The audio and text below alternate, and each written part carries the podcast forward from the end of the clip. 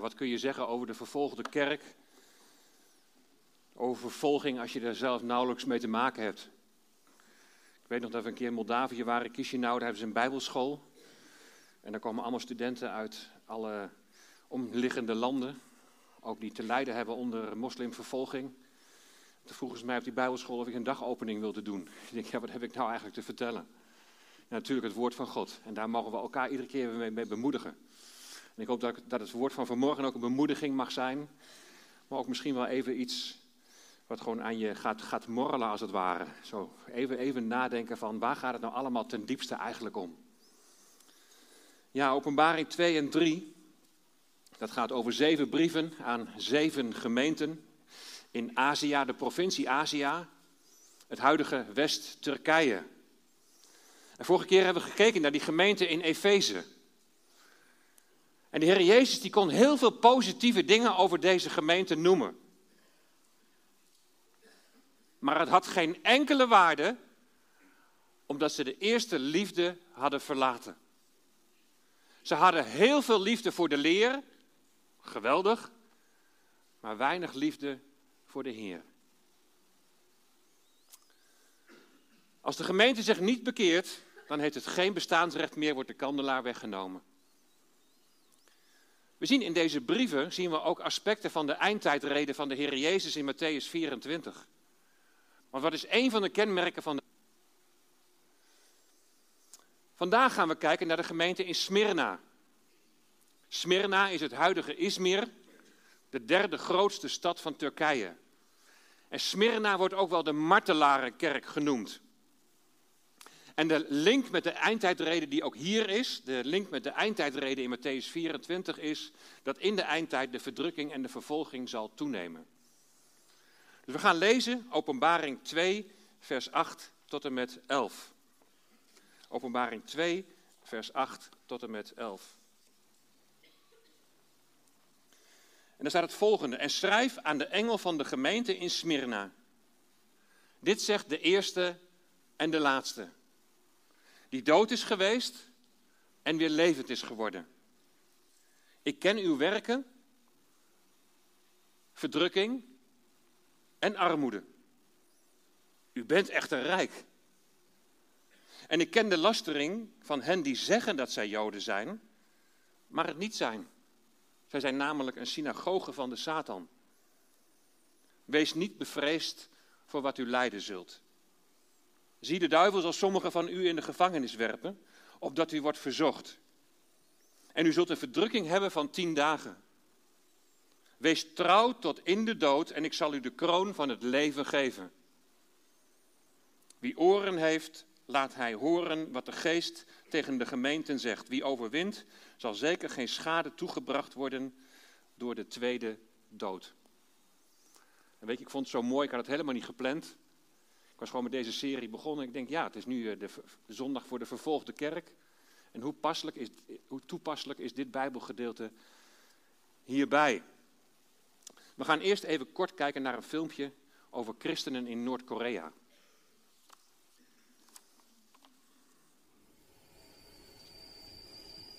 이 초등학교에서 우리는 선교사들은 모두 승량이 In 되라고 primary school, we were taught that all missionaries were terrorists. 나중엔 They 잘해가지고 told us that a missionary will be nice to you at first, but when they get you into their homes, then they will kill you and eat your 선교사들은 liver. 모두 승량이 되라고 배웠습니다.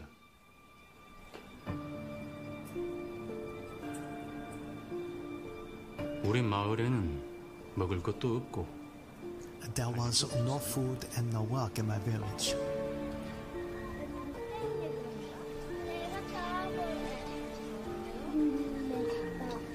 다른 사람처럼 Like 산소공임에다 some others, I snuck across the mountain border into China.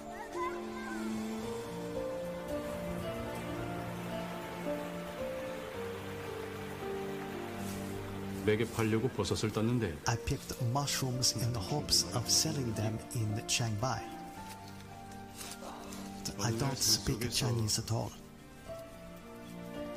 한 사람을 만났습니다. but in the mountains I met a man. 구입할 거면 내가 팔아주겠슈.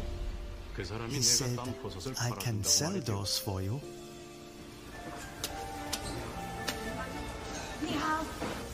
And he didn't cheat me. He, he gave me all the money from the sale. At that time, I didn't know he was oh. Pastor Han. 再见。Over the next two years, I went back several times. Each time, Pastor Han helped me. One day, I asked why he would do this, for he himself was in great danger for assisting a North Korea. It is because I am a Christian, he said. That made me afraid. Uh, was he going to eat my liver?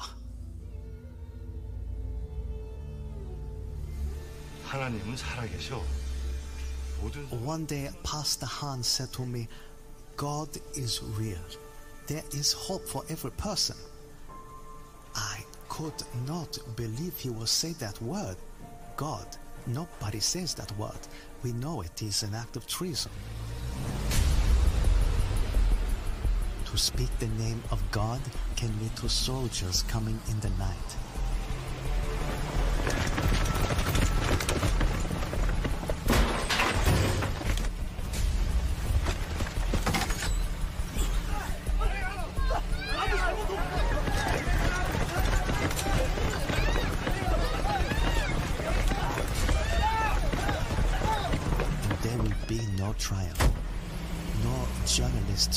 about you, and no one will ever dare ask where you have gone. One day I asked Pastor Han for a Bible. He knew that if I was caught with a Bible, my life would be in danger.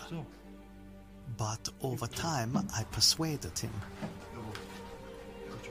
I showed the Bible to my wife. At first, she refused to even look at it.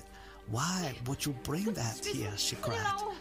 She knew that if anyone reported that you had even glanced at a Bible, you would be arrested, and not just you. You and all your relatives sent to the concentration camps for years and years and years.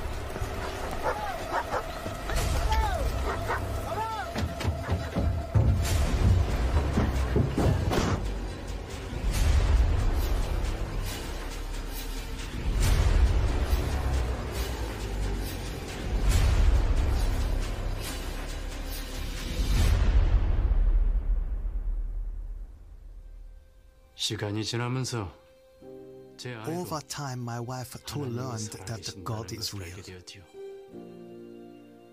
제 아내도 She found hope. 희망을 갖게 된 것입니다. 그러고 나서 And then I shared the word of God with my best friend. 너도 이 책구면 할 거야. 저는 It was very dangerous for me to share. 다시는 연락하지 말라. 우리 모두한테 좋은 소식이야. It was very dangerous for him to listen.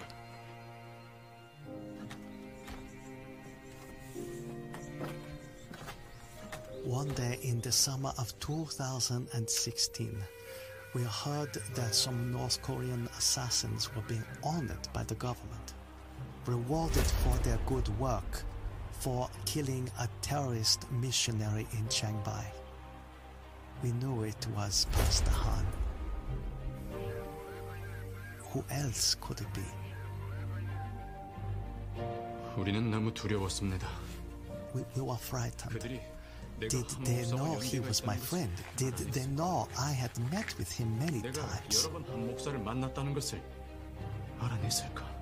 이러다 우리도 죽는 거 아닙니까? 아, 방영 떠는 소리. 한 목사님은 Pastor Han gave his life, but he gave hope to me and to many other North Koreans.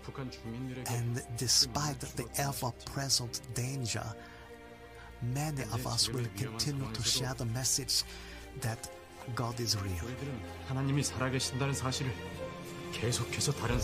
We hope that our sacrifice, when the day comes, will be worthwhile, just like it was for Pastor Han. 한 목사님이 그러셨던 것처럼 말입니다.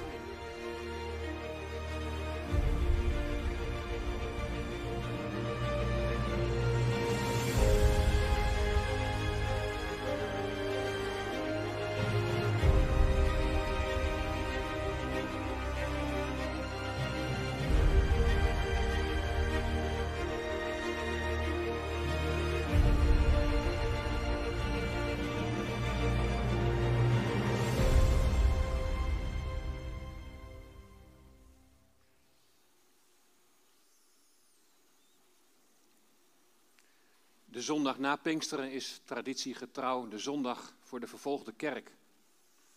En Open Doors die heeft een ranglijst van landen waar christenen worden vervolgd om hun geloof. En je ziet hier dat Noord-Korea, zoals we ook aan het begin van de dienst al zagen, dat Noord-Korea op nummer 1 staat. Afgelopen jaar kreeg Open Doors de melding dat tientallen Noord-Koreaanse gelovigen uit verschillende ondergrondse kerken zijn ontdekt. Ze zijn zonder pardon geëxecuteerd. Kijk, deze mate van vervolging kunnen wij ons niet voorstellen. Volgens de verhalen werden meer dan 100 familieleden van deze christenen naar werkkampen gestuurd. En naast dit soort verschrikkelijke gebeurtenissen voerde Noord-Korea de zogenaamde Anti-Reactionary Thought Law in. Volgens deze wet is christen zijn en of het bezitten van de Bijbel is een strafbaar feit dat zwaar gestraft zal worden. Christenvervolging is nog nooit zo hevig geweest als in de afgelopen jaren en in de afgelopen 20ste eeuw. Maar daarentegen is christenvervolging ook van alle tijden. Het hoort bij het discipel zijn van de Heer Jezus. Hoor je het goed? Vervolging hoort bij het discipel zijn van de Heer Jezus. En het is niet voor niks dat juist deze zondag direct na Pinksteren is uitgekozen om samen te bidden voor de vervolgde kerk. Want de geest was nog maar net uitgestort of Stefanus wordt gestenigd. En wie stond daarbij te kijken? Saul, die later Paulus wordt genoemd. Waarom nou die vervolging? Is het nou puur een kwestie van ergernis, van jaloezie? Waarom worden christenen niet verdragen? Waarom de Bijbel in zoveel plekken een verboden boek? Zijn die vervolgens ergens bang voor? Worden ze door angst gedreven? Het feit dat dit gebeurt moet toch wel een signaal zijn dat het christelijk geloof heel bijzonder is. Dat het het waard is om het te vervolgen, om het uit te roeien. En wat denk je van degenen die vervolgd worden? Bijvoorbeeld Petrus en Paulus. De Heere God die zendt hen uit en dan gaan ze met gevaar voor eigen leven. Waarom doen ze dat? Beide vallen ze ten prooi aan keizer Nero, de vijfde keizer van het Romeinse Rijk, van 37 tot 68 na Christus. En waarom noem ik de jaartallen? Zij lieten dus al het leven voordat Johannes op Patmos vervolgd wordt. Voordat Johannes op Patmos zijn openbaring kreeg. En Johannes die heeft ook het nodige ondervonden, foltering en dergelijke. Maar hij heeft het overleefd en hij is verbannen naar het eiland Patmos. Wat bezielt deze mensen? Dat je bereid bent om je leven te geven voor de boodschap over een Galileër die uit de dood is opgestaan. Als je bereid bent om je leven te geven, dan is het geloof in Jezus Christus wel heel belangrijk voor je. Dan is het alles bepalend in je leven, anders doe je dat toch niet. Welkom in de gemeente in Smyrna. En als rode draad door deze verkondiging loopt de betekenis van het woord Smyrna. Heel belangrijk. Smyrna, dat is afgeleid van het woord mirre. En mirre is weer afgeleid van een woord dat bitter betekent. Bitterheid verbittering, vervolging over de gelovigen in Smyrna uitgegoten. En die vervolging die, die duurt zo'n 250 jaar. Vele gelovigen hebben dat dus hun hele leven lang ondergaan. En het is dan de vraag of je door die bitterheid die over je uitgegoten wordt, of je dan zelf ook bitter gaat worden. Weet je, mirre betekent dan wel bitter. Maar tegelijkertijd betekent mirre ook een, heeft, verspreidt mirre een heerlijke geur. En deze twee aspecten, mirre en bitterheid en, een, en aan de andere kant een heerlijke geur, die komen samen in die gemeente in Smyrna. Onder druk de heerlijke geur van Christus verspreiden. En het is een gemeente waar de Heer Jezus niets op aan te merken heeft. Een gemeente die onder druk die heerlijke geur van Christus verspreidt. Die in hun leven Christus laten zien.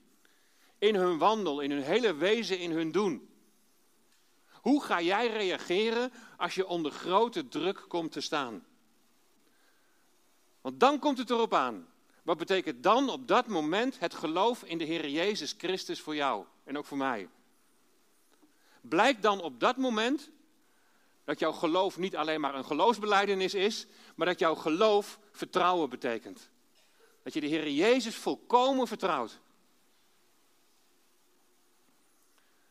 Als je een beetje kerkgeschiedenis hebt gehad, dan, dan ken je misschien wel de naam Polycarpus. En hij was een leerling van Johannes. Hij was de oude voorganger van de gemeente in Smyrna. En de Romeinse consul die beloofde hem vrijheid als hij Christus zou afzweren. Dus hij staat onder druk. Wat gaat hij doen? En dan geeft hij het volgende antwoord. Ik heb mijn koning, nou bedoelt hij de Heer Jezus mee, ik heb mijn koning 86 jaar gediend. Nooit heeft hij mij enig kwaad gedaan. Kan ik hem die mij verlost oneer aandoen? En Joden en heidenen die eisten de brandstapel. En toen men Polycarpus wilde vastmaken aan een paal, sprak hij daar deze woorden nog aan toevoegend: Spaar uw nagels maar. Je hoeft mij niet vast te ketenen. God zal mij vasthouden in het vuur. Ik acht het een eer, waardig te zijn geacht, een plaats in te nemen onder de martelaren van Jezus. Welkom in de gemeente in Smyrna. Iedereen die giet zijn bitterheid over Polycarpus uit. Maar onder druk verspreidt hij die heerlijke geur van Christus. Hij laat Christus in zijn leven zien. Hij laat zien dat hij een discipel van Jezus is. En net zoals de brief aan de gemeente in Efeze, begint ook de brief aan Smyrna met een aspect van de Heer Jezus, zoals hij beschreven is in Openbaring 1. In Openbaring 1 staat een uitgebreide beschrijving van de mensenzoon van de Heer Jezus. En bij iedere brief zie je weer een klein stukje daarvan terugkomen. En dat is niet zomaar een willekeurig aspect van de Heer Jezus, maar hier wordt een aspect genoemd dat precies ook bij deze brief en bij deze gemeente past. En het begint weer met dit zegt. En wat daarna volgt, dat zijn geen woorden van mensen, maar hier spreekt de Heer Jezus tot zijn gemeente. Het is de Heer Jezus zelf die spreekt. En wie is Hij? Hij is de eerste en de laatste. Hij is de Alpha en de Omega. Dat is een uitdrukking die kom je vijf keer tegen in de Bijbel. Drie keer gaat het over de Heere God en twee keer gaat het over de Heer Jezus. En daar zie je ook de eenheid in wezen van vader en zoon. Hij is de eerste en de laatste. Dat betekent, hij was er altijd al en hij zal er altijd zijn. Maar is dat niet een bemoediging voor die gelovigen in Smyrna. God heeft de tijd geschapen, maar bij hem is geen tijd. Hij is van eeuwigheid tot eeuwigheid. En in die eeuwigheid heeft hij de tijd geschapen. Als hier van Jezus wordt gezegd dat hij de eerste en de laatste is, dan betekent dat dat hij alles in zijn hand heeft. Dat hij ook jou en mijn leven in zijn hand heeft. Onze tijden zijn in zijn hand. Hij is de eerste en de laatste. En 250 jaar verdrukking is natuurlijk een hele lange tijd. En het zal een verschrikkelijke ervaring zijn als je wordt gefolterd en als je wordt gemarteld. Maar de Heer is erbij. Hij die er altijd al was en die er altijd zal zijn. Misschien denk je wel, ja, dat is een mooi vroom gepraat. Je zult maar in zo'n situatie zijn. Dan stel je toch de vraag, waarom grijpt hij dan niet in als hij er altijd bij is? Een typische vraag voor iemand die uit West-Europa komt. Wij leven in een cultuur waar wij geen plek willen geven aan het lijden. In de Bijbel daar staat, je kunt het lezen in 2 Timotheus 3 vers 12, wie godvruchtig willen leven in Christus Jezus, die zullen vervolgd worden. Daarom zei ik toen straks, als je een discipel van Jezus bent, dan hoort vervolging erbij. Is heel normaal, de normaalste zaak van de wereld. Je wordt zelfs opgeroepen om je in het lijden te verheugen. 1 Petrus 4, vers 13. Verblijd je naarmate je gemeenschap hebt aan het lijden van Christus. Want daarin zie je dat je je heiland navolgt. Die geleden heeft. Precies zoals Polycarpus het verwoordt. Hij verheugt zich erin dat hij waardig wordt geacht om een martelaar van Jezus te zijn. En hij gaat daarmee in het voetspoor van zijn Heer. En Polycarpus die moet net als Petrus en Paulus en net als de gelovigen in Noord-Korea, moet hij het met de dood bekopen. Daarom staat in vers 1 ook niet alleen dat de Heer Jezus de eerste en de laatste is, maar ook dat Hij dood is geweest en weer levend is geworden. Aan de gemeente in Smyrna, daar wordt de Heer Jezus getoond als de opgestane Heer. En zoals de dood niet het laatste woord heeft, en niet het laatste woord had bij de Heer Jezus, zo zal de dood ook niet het laatste woord hebben bij zijn volgelingen. Als de Heer Jezus niet eerder terugkomt, dan zullen wij de eerste dood proeven. We moeten allemaal een keer sterven. Maar dan worden we gevrijwaard in Christus van die tweede dood. Die eeuwige dood, het altijd van God verstoten zijn. In dit leven blijft het lijdende gelovigen niet bespaard. En er zullen ook gelovigen ter dood worden gebracht. Maar met de omschrijving van de Heer Jezus wil hij de gemeente in Smyrna als het ware optillen uit de hun gegeven tijd hier op aarde. En, en hij wil ze zicht geven op een, op een groter plaatje. Weet je, de vraag waar jij de eeuwigheid door zult brengen, is veel belangrijker dan de vraag of je voorspoed zult hebben op deze aarde. Waar zul jij de eeuwigheid doorbrengen? Dat is de wezenlijke vraag. Ben je echt een volgeling van de Heer Jezus? En wat in vers 9 daar staat is ook bemoedigend, namelijk dat de Heer Jezus alles weet. Ik ken uw werken. Met andere woorden, ik weet, weet wat je bezigheden zijn, ik ken je daden, ik ben op de hoogte van je wandel, ik weet wat je allemaal overkomt. Hij ziet de goede werken. En dat je ondanks de druk die je ervaart, dat je toch die liefelijke geur van Christus verspreidt. Nee, zo'n zo'n extreme vervolging als in Smyrna kennen we niet. Misschien wel onze broeders en zusters die uit andere landen hier naartoe zijn gevlucht. Hoe ga je reageren als je onder druk komt te staan? Het volgende verhaal heb je misschien wel eens gehoord. Een gemeente komt samen in een land waar vervolging is. En als je dan samenkomt, dan weet je nooit of mensen vanuit overheidswegen zijn geïnfiltreerd. En plotseling komen er gemaskerde mannen met geweren binnen. En die beginnen heel dreigend een woord tot deze gemeente te richten. En ze zeggen, als jij Jezus afzweert, dan kun je deze ruimte verlaten en dan zul je vrij zijn. En meerdere dropen af en verlieten de samenkomst. En toen deden ze hun maskers af en zetten hun geweren neer en zeiden: Zo, nu kan de dienst beginnen. Want we zijn samen met ware gelovigen. Hoe reageer je als je onder druk komt te staan? Ik ken uw verdrukking, zegt de Heer Jezus. Ik weet van je benauwdheid. Ik weet van je moeilijkheden. Ik weet van je kwellingen. Ik weet ook van je armoede. Armoede betekent hier dat je nauwelijks of niet kunt voorzien in de eerste levensbehoeften. We hebben dat ook gezien in het filmpje van Noord-Korea.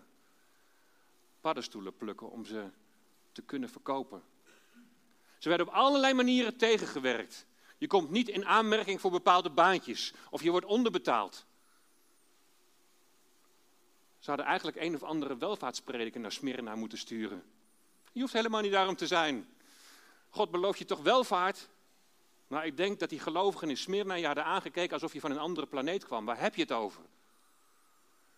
Weet je, ik heb in Moldavië heb ik dan gelovigen ontmoet die in armoede, in extreme armoede leven.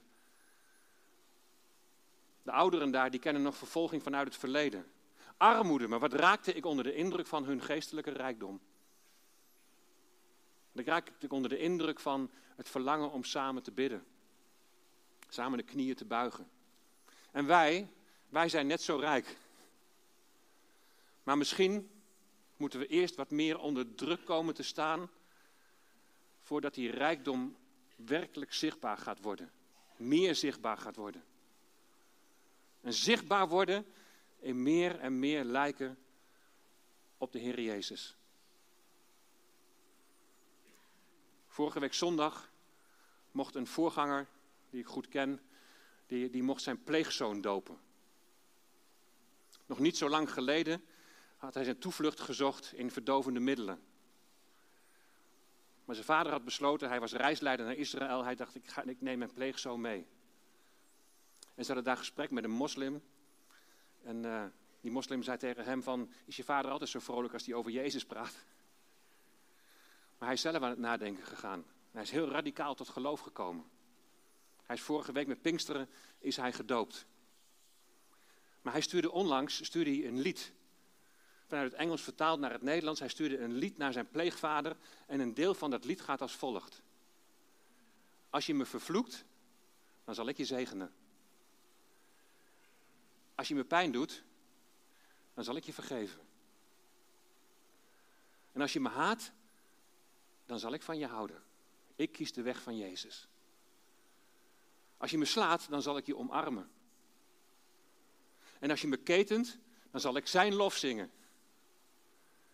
En als je me doodt, is mijn thuis de hemel. Want ik kies de weg van Jezus. En weet je wat deze jongen schreef? Hij schreef daarbij naar zijn pleegvader: Zo wil ik leven. Zo wil ik Jezus volgen. Ik ken uw werken, ik ken uw verdrukking, ik ken uw armoede. Ik ken ook de lastering. En het woord lastering betekent dat je zwart wordt gemaakt. Je wordt in het openbaar beschuldigd, terwijl het helemaal niet waar is. Ik weet het, zegt de Heer Jezus.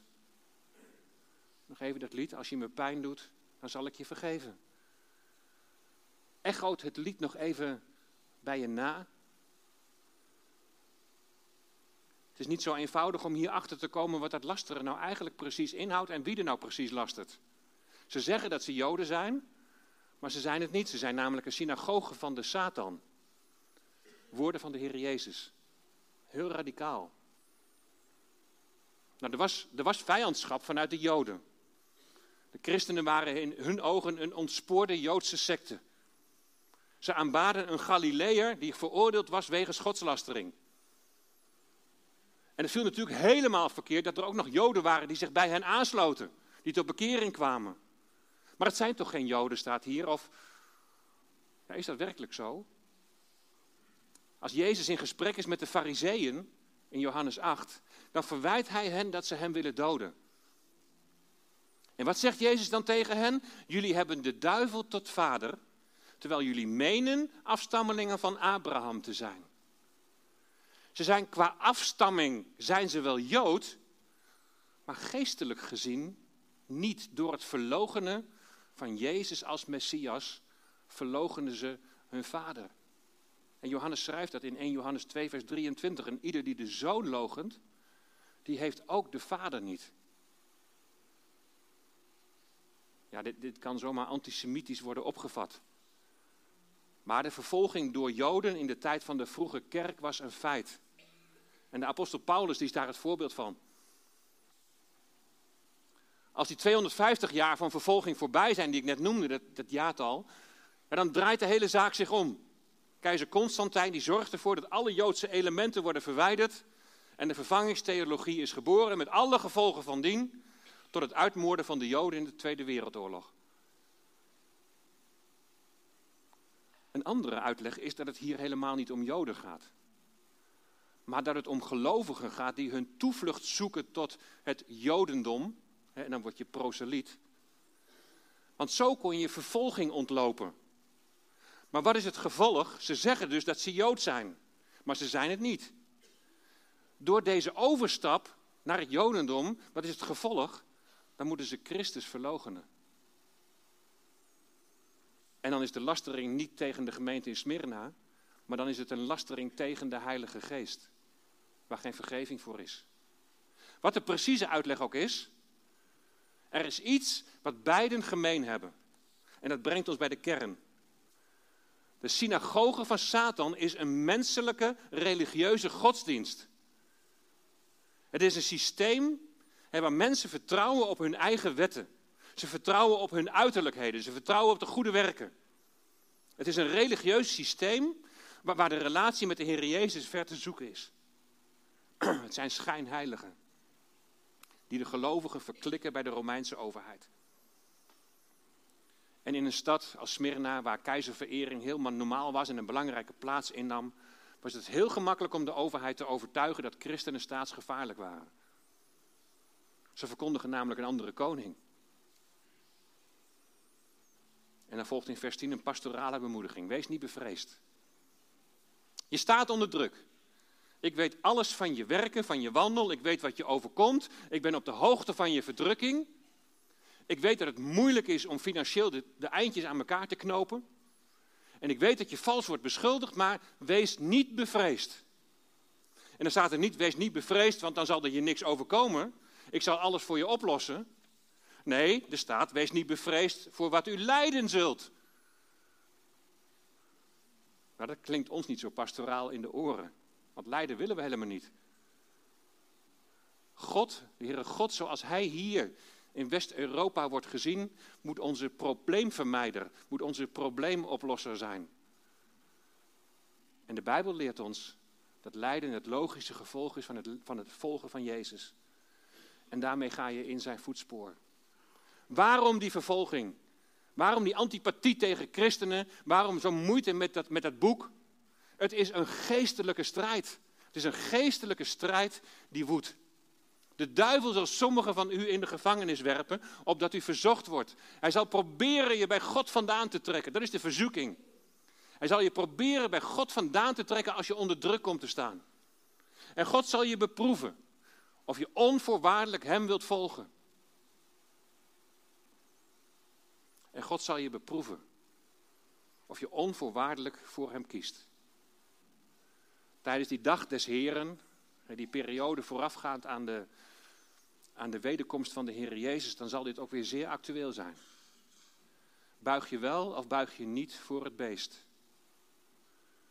Misschien denk je wel, ja, maar dit staat zo ver van ons af. En je kunt geloven dat je niet door de grote verdrukking gaat, maar laat het geen valse gerustheid zijn dat je niet vervolgd zult worden. Natuurlijk hebben wij niet vervolging meegemaakt waar wij moeten vrezen voor ons leven. Maar neem maar van mij aan, als je Jezus trouw wilt volgen, en als je staat voor wat God zegt in zijn woord en dat ook uitdraagt, dan zul je vervolgd worden. En als dat nu nog niet zo is, dan zal het vroeg of laat zeker gaan gebeuren. In het Nederlands Dagblad staat het volgende artikel. Staat het werkelijk zo ver van ons af? Vorig jaar november kondigde VVD-minister Dennis Wiersma van Onderwijs aan dat hij wil dat informele scholen ook onder onderwijsinspectie vallen. Informeel onderwijs is een breed begrip en kan over allerlei vormen van scholing gaan. Let op, zondagschool, taallessen of salafistisch onderwijs. De minister die wil dat de inspectie kan ingrijpen als er op informele scholen wordt aangezet tot haat, discriminatie of geweld. Of daar sprake van is op zondagscholen, weet Wiersma niet, want hij is er nog nooit geweest. Nou, uiteraard wordt er op de zondagschool niet aangezet tot haat of tot geweld. Dus in dat opzicht hebben we niks te vrezen. Maar het begrip discriminatie, dat is wel heel rekbaar. Onze opvattingen over relaties en seksualiteit bijvoorbeeld, die zullen al heel gauw als discriminerend worden weggezet. Ja, zijn dat dan onderwerpen voor de zondagschool? Nou, afgelopen week hoorde ik van een collega dat een jongetje thuis kwam en vrolijk vertelde dat hij ook met een jongetje kan trouwen. Stel dat dit jongetje op de zondagschool komt en ook dit verhaal zo enthousiast vertelt. Ik kan ook met een jongetje trouwen. Leg je dan uit dat God het huwelijk anders heeft bedoeld? Ook als je weet dat je daarna beschuldigd kunt worden van discriminatie. En dat dat de nodige gevolgen kan hebben. Dan zal het misschien in eerste instantie nog bij een geldboete blijven, maar ook dat is al heel vervelend. Wat ga je doen als je onder druk komt te staan? Dat geldt ook voor wat ik hier verkondig. En wat zo meteen op de livestream staat en op YouTube. En... Zal het zo'n vaart niet lopen? Een voorganger die zei afgelopen week, de generatiekloof die was vroeger 40 jaar. En de generatiekloof die is nu 5 jaar. En hij doelde op zijn twee dochters. Hij zei, mijn twee dochters die hebben vijf jaar verschil, maar die begrijpen elkaar al niet meer. Want de wereld verandert zo ontiegelijk snel. Verdrukking en vervolging kan niet uitblijven. Wees niet bevreesd voor wat u lijden zult. Zie de duivel zoals sommigen van u in de gevangenis werpen, opdat u verzocht wordt. En u zult een verdrukking hebben van tien dagen. Dat getal tien zou iets te maken kunnen hebben met de tien Romeinse keizers, van Nero tot Domitianus. Het kan ook een aanduiding zijn voor een bestemde tijd. Er zal verdrukking zijn voor een bestemde tijd. 250 jaar was natuurlijk best lang, maar het was een bestemde, een bepaalde tijd. En straks ook zal er voorafgaand aan de wederkomst van de Heer Jezus een bestemde tijd, een bepaalde tijd zijn van verdrukking. Wat komt er in je los? Wat wordt er in je losgemaakt als je onder druk komt te staan? En in zekere zin kun je nu al een beetje oefenen. Het is goed om je daarop voor te bereiden. Je kunt nu al een beetje oefenen als je iets van die verdrukking ervaart. Als je wordt uitgelachen om je geloof, als je wordt gepest, als je niet wordt begrepen dat je aan bepaalde dingen niet mee wilt doen en dat het uitsluiting betekent. Als je onrecht wordt aangedaan, als je onder druk komt te staan, hoe ga je dan reageren? Wat komt er dan in je naar boven? Is dat die liefelijke reuk van die mirre? De liefelijke geur van Christus? Als je me vervloekt, dan zal ik je zegenen. Als je me pijn doet, dan zal ik je vergeven. En als je me haat, dan zal ik van je houden. Ik kies de weg van Jezus. En als je me slaat, dan zal ik je omarmen. En als je me ketent, dan zal ik zijn lof zingen. En als je me doodt, is mijn thuis de hemel. Want ik kies de weg van Jezus. Kies jij de weg van Jezus? Vers 9 heeft helemaal betrekking ook op de Heer Jezus. Hij kwam naar deze aarde om de werken van de Vader te doen. Hij werd verdrukt, gehoond, bespot, gegezeld, gekruisigd. Hij is om ons het wil, is hij arm geworden. Maar wat heeft hij onze geestelijke rijkdom gegeven? Ook hij is belasterd door zijn eigen volk. Maar tegelijkertijd wil ik daarbij zeggen dat wij niet anders zouden hebben gereageerd. Kies jij de weg van Jezus? Wat gebeurt er als jij onder druk komt te staan? Ik weet het niet. Ik ben eerlijk. Ik besef dat ik daar ook nog heel veel in moet oefenen. nog heel veel daarin moet groeien en moet leren. Maar dit is ook, net als die jongen zei, die pleegzoon, dit leven wil ik. En als me dat een keer niet lukt, dan hoop ik dat anderen me daar weer in terecht wijzen of me daarmee helpen. Maar dit is de weg van Jezus. Wie oren heeft, die horen wat de geest tot de gemeente zegt. Wat hij tegen jou en tegen mij zegt. Laten we onder druk de geur van Christus verspreiden. Want aan Hem alle eer. Amen. Laten we samen bidden.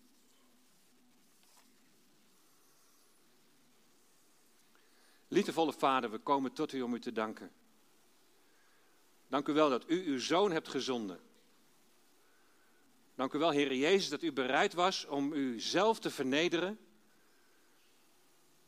Door hier te komen en de weg van vernedering te gaan, van bespotting, van gehoond worden en gegezeld en uiteindelijk gekruisigd. We danken u, Heer Jezus, dat u uw leven hebt afgelegd, opdat wij redding zouden ontvangen. Heer, als wij zeggen, ik wil de Heer Jezus volgen, laat het dan het besef zijn, steeds meer en meer ook in ons hart, dat het volgen van u, Heer Jezus, betekent wat we vanmorgen hebben gehoord. Dat we ook ons eigen leven afleggen. Dat we zeggen niet meer ik, maar Christus leeft in mij. Help ons, Heer, als wij onder druk komen te staan, op wat voor manier dan ook. Dat als het ware die lieflijke geur van Christus eruit geperst mag worden en zichtbaar mag worden. Dat we u zullen laten zien, Heer Jezus. Volker Chit heeft net gebeden voor de leider van Noord-Korea.